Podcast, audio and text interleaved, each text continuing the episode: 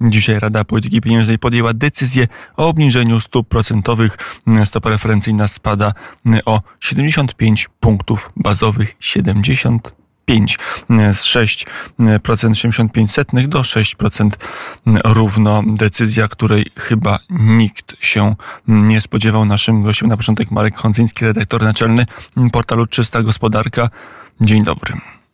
Dzień dobry. Powiedziałem, że chyba nikt nie rozumie, ale może się mylę. Może są tacy, którzy to, tą decyzję Rady, której się spodziewali takiej decyzji i ją rozumieją. Pan redaktor do nich należy?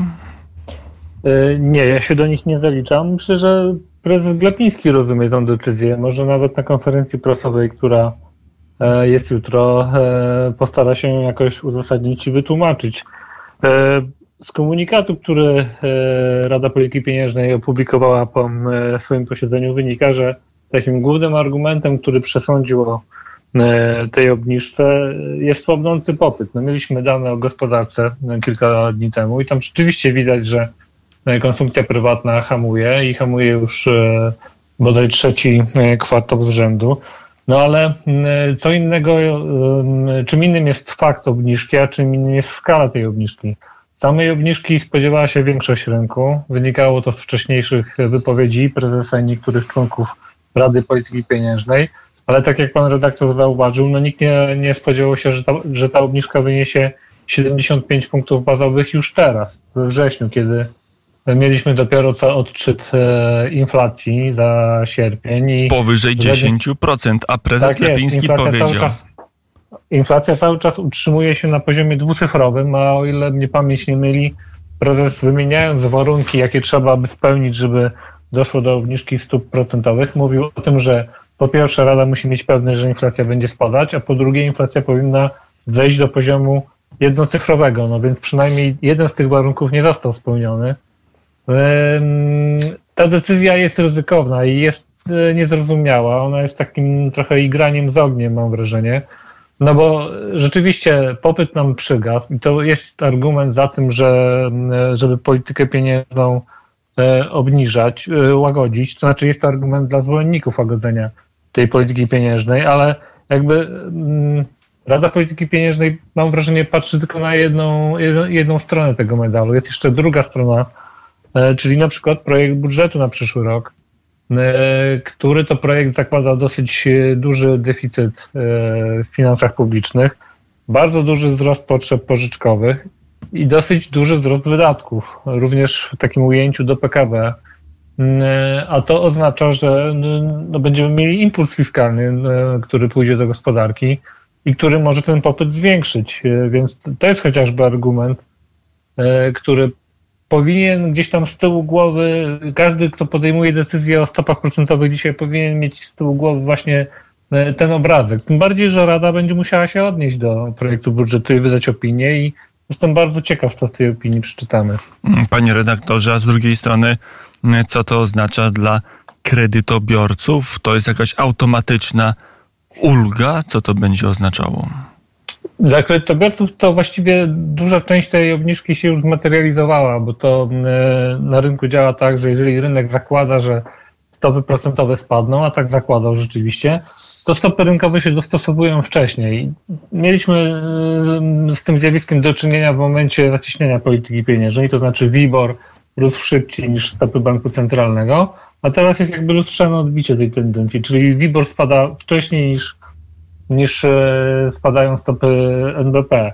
Więc e, WIBOR się obniżył, on się obniża już od e, wielu tygodni i częściowo jakby ta decyzja, mm, tak już mówiąc zupełnie skrótowo, w ratach kredytów jest, ale nie, nie sądzę, żeby była w całości. Znaczy, tak jak mówiłem na początku, to do skali tutaj rynek się bardzo pomylił i został, dał się zaskoczyć Radzie Polityki Pieniężnej, więc myślę, że takie dostosowanie po stronie stóp rynkowych jeszcze będzie i te, te raty kredytów pewnie jeszcze spadną. Uśmie um, tak, rozbawiła mnie fraza, że rynek dał się zaskoczyć. Tak, rynek dał się zaskoczyć, a, a to wcale nie jest dobrze, bo moim zdaniem to nie buduje wiarygodności banku centralnego. Bank ja bym użył powinien... odwrotnej frazy, że to Rada Polityki Pieniężnej zaskoczyła rynek, bo to była decyzja, no, którą trudno było sobie wyobrażać. Pamiętam taki moment z kadencji prezesa Glapińskiego, gdzie no wydawałoby się, że prezes NBP-u gdzieś tam stracił wspólny język z analitykami i z tak zwanym rynkiem. To nie jest najlepsze z reguły.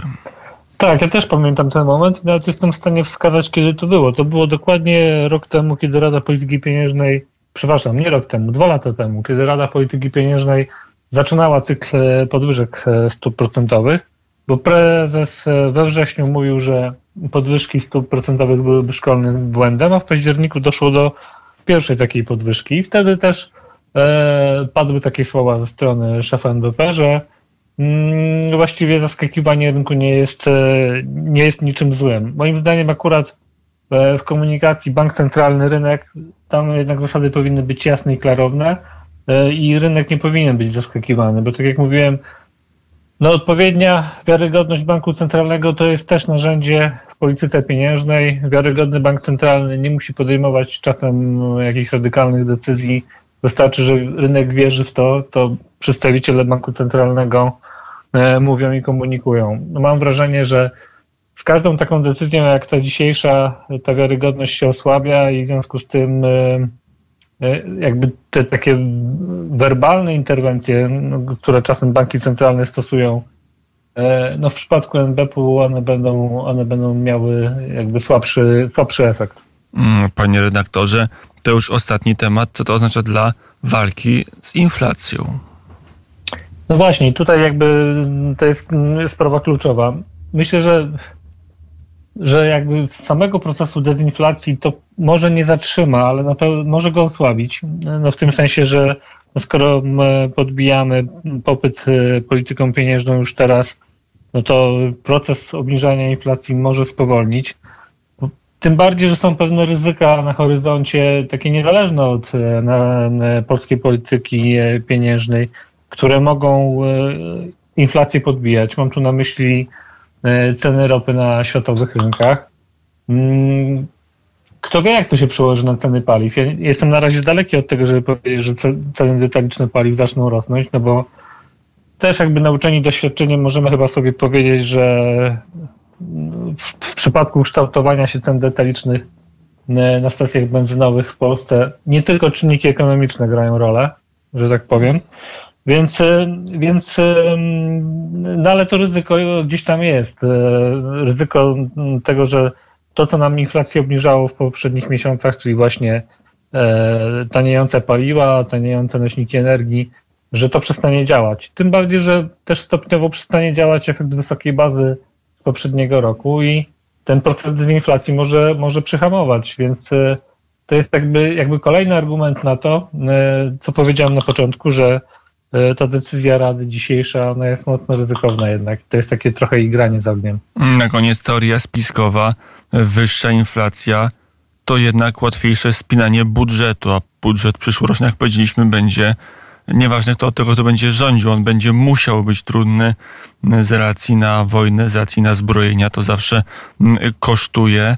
Na ile jest tak, że to może być decyzja, to niewygodne pytanie, ja wiem, ale no, że tam nie tyle czysta ekonomia, ile taka ekonomia poszerzona o, o właśnie obiektywne warunki zewnętrzne, o budżet, o wojnę, o stan państwa, o politykę także y, było to wzięte pod uwagę przy tej decyzji.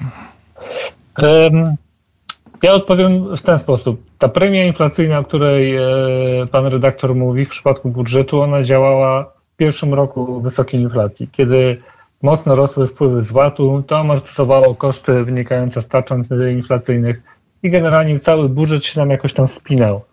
Mam wrażenie, że ta premia, e, ona już nie działa tak bardzo, dlatego że oprócz dochodów, bo rozumiem, że pan zmierzał do tego, że no wyższa inflacja to też wyższe wpływy na przykład z podatków pośrednich, ze względu na wzrost cen.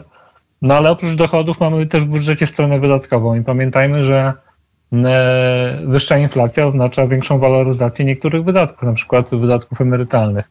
Więc to, to, to nie jest takie proste w tej chwili. Nie, nie wydaje mi się, żeby, jeśli nawet ktoś e, w ten sposób jakby kalkuluje, to ta kalkulacja może być e, obarczona pewnym pewnym błędem. Okej, okay, co wpływy, wypływa, jeszcze mamy inny punkt, o którym pan redaktor bardzo słusznie wspomniał, obsługę i koszt długu.